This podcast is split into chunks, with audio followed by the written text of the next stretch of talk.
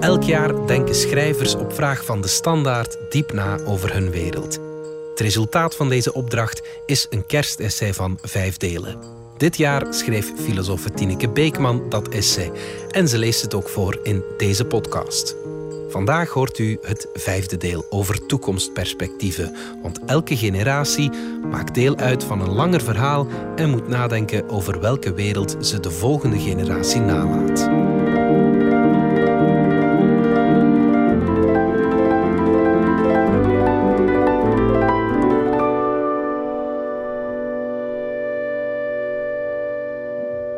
Alleen de volgende generatie zal weten of de huidige generatie voldoende heeft gedaan. In beklijvende eenvoud staat die boodschap op een plakkaat bij een verdwenen IJslandse gletsjer genaamd Ok. In de brief aan de toekomst schreven wetenschappers en omwonenden het volgende. Dit is de eerste IJslandse gletsjer die zijn status als gletsjer heeft verloren. De verwachting is dat de komende 200 jaar al onze gletsjers zullen volgen. Dit monument is een erkenning van het feit dat we weten wat er aan de hand is en dat we weten wat er moet gebeuren.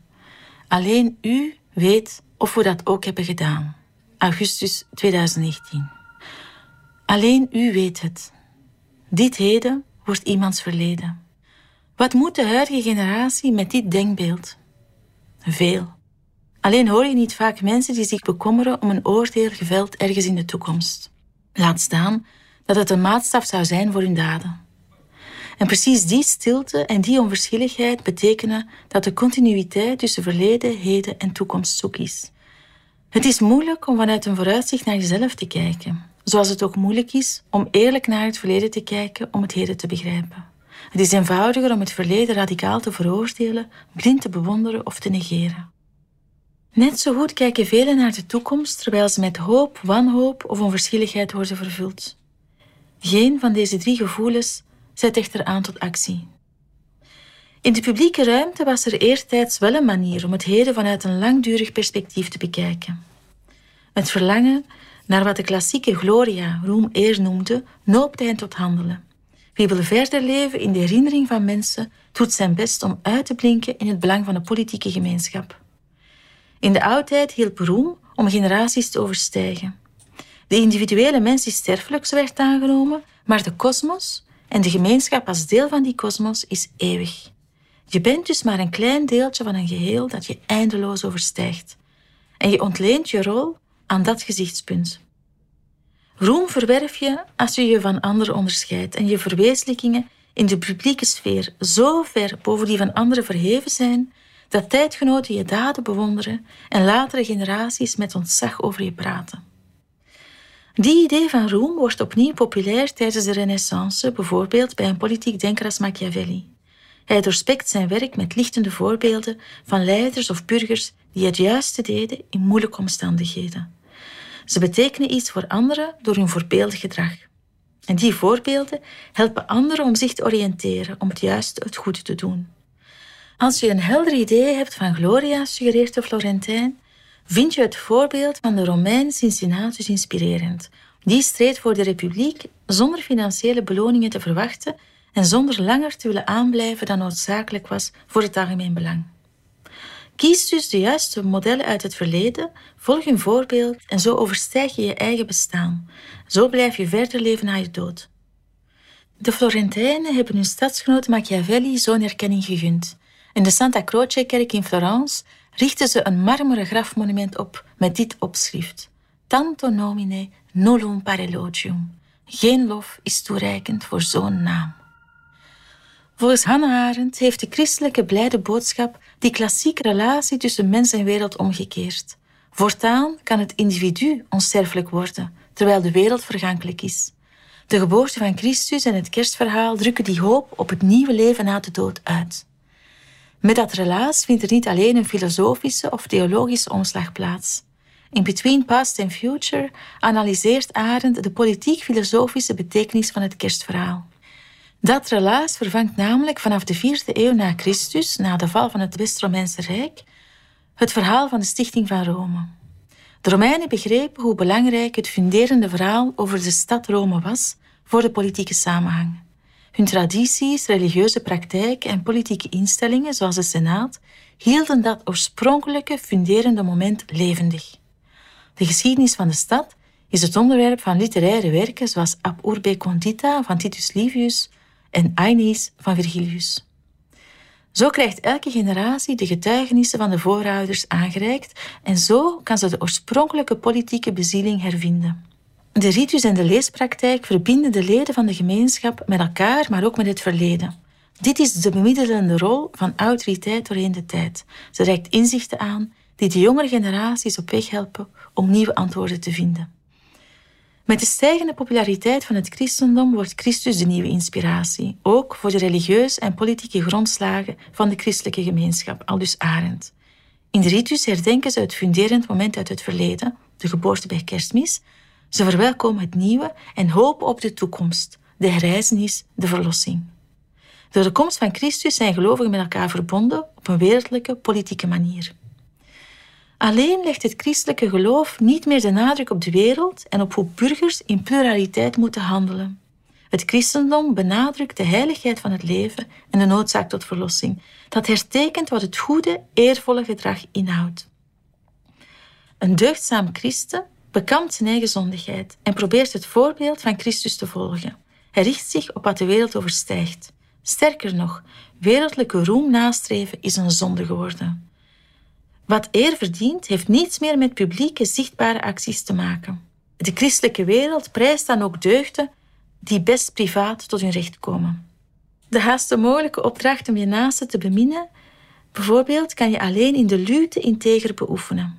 Wie het goede doet, om openlijk als goed gezien te worden, ontneemt het goede precies wat het waardevol maakt, schrijft Arendt. Dat belet mensen natuurlijk niet om hun goede daden in de verf te zetten. Dat geldt evenzeer voor die andere christelijke deugd, de nederigheid.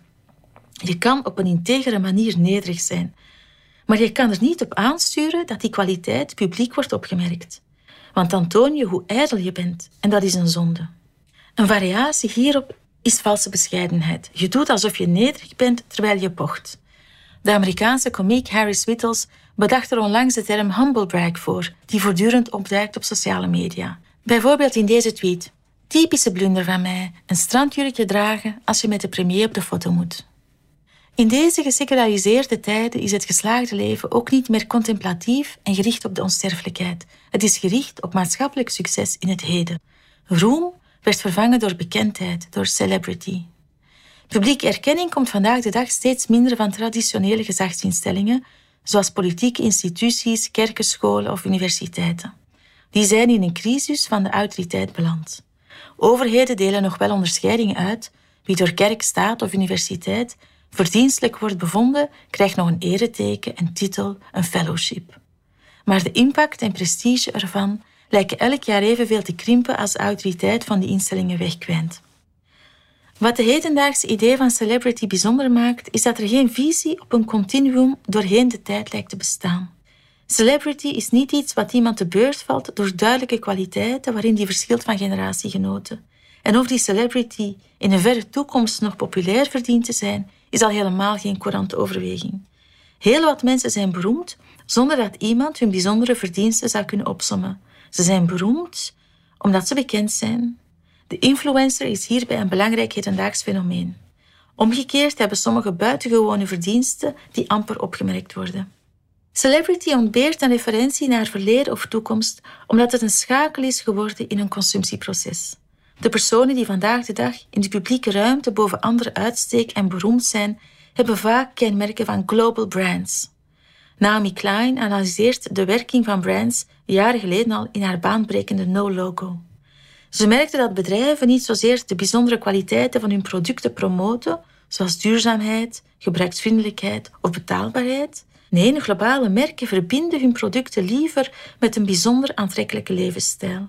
Wie een flesje Coca-Cola koopt, leest niet gewoon zijn dorst, maar betreedt de wereld van jeugd en harmonie. Met een Apple-computer behoor je tot een select groepje mensen dat anders denkt. Je wordt iemand als Gandhi of Martin Luther King. Starbucks verkoopt niet alleen koffie, Starbucks-drinkers vormen een community. Daarmee worden krachtige ideeën over leven in gemeenschap, empowerment, nonconformisme, creativiteit of generositeit vermarkt. Ideeën over het publiek worden manier om producten te verkopen. Dit soort van branding werkt niet alleen voor bedrijven. Creatieve mensen, denkers, kunstenaars, activisten kunnen ook een merk worden. Met een herkenbare stijl staan ze persoonlijk garant voor een glasheldere ethische of politieke boodschap. Ze lijken ook allemaal authentiek. Ze vallen schijnbaar samen met de waarden die ze verkondigen. Via talkshows, podcasts, vlogs of gewoon YouTube-filmpjes vertellen ze over de hindernis op weg naar hun succes, over de intieme zoektocht die uitmondt in de ontdekking van het echte zelf. Dit is marketing, vermomd als een nep-biecht. De celebrity bewandelt niet de moeizame weg naar binnen zoals Augustinus of Plotinus voorstonden. Hij of zij wandelt naar het volgende miljoenencontract. In de politiek duikt deze celebrity branding soms ook op. Mediafiguren kunnen zonder partij, politieke ervaring of noemenswaardige achterban naar de top reizen. Zeker als ze glashelder en schijnbaar authentiek één bepaalde idee incarneren, zoals de grootsheid van een land of empowerment van jongeren. Aangezien dergelijke politici alleen maar hun imago hebben, kan een deuk in hun beeld fataal zijn. Hun aanhangers blijven dan met lege handen achter. Dit businessmodel is ideaal om producten te verkopen, gisteren geproduceerd, vandaag geconsumeerd, morgen vervallen. Dit perspectiefloos model deugt niet om het leven in de publieke ruimte te herinrichten en om het nieuwe mogelijk te maken in tijden van crisis. En dit zijn zo'n tijden. De klimaatverandering is geen lijstje problemen, maar een blijvende lastige situatie, een predicament dat niet vanzelf voorbij zal gaan. En zoals Hannah Arendt aangeeft, maakt elke generatie deel uit van een langer verhaal. Verhalen uit het verleden verplichten om na te denken over de plaats in de kosmos. Je betrekt eventjes deze wereld als een huurder die een huis mag bouwen tot je het moet doorgeven.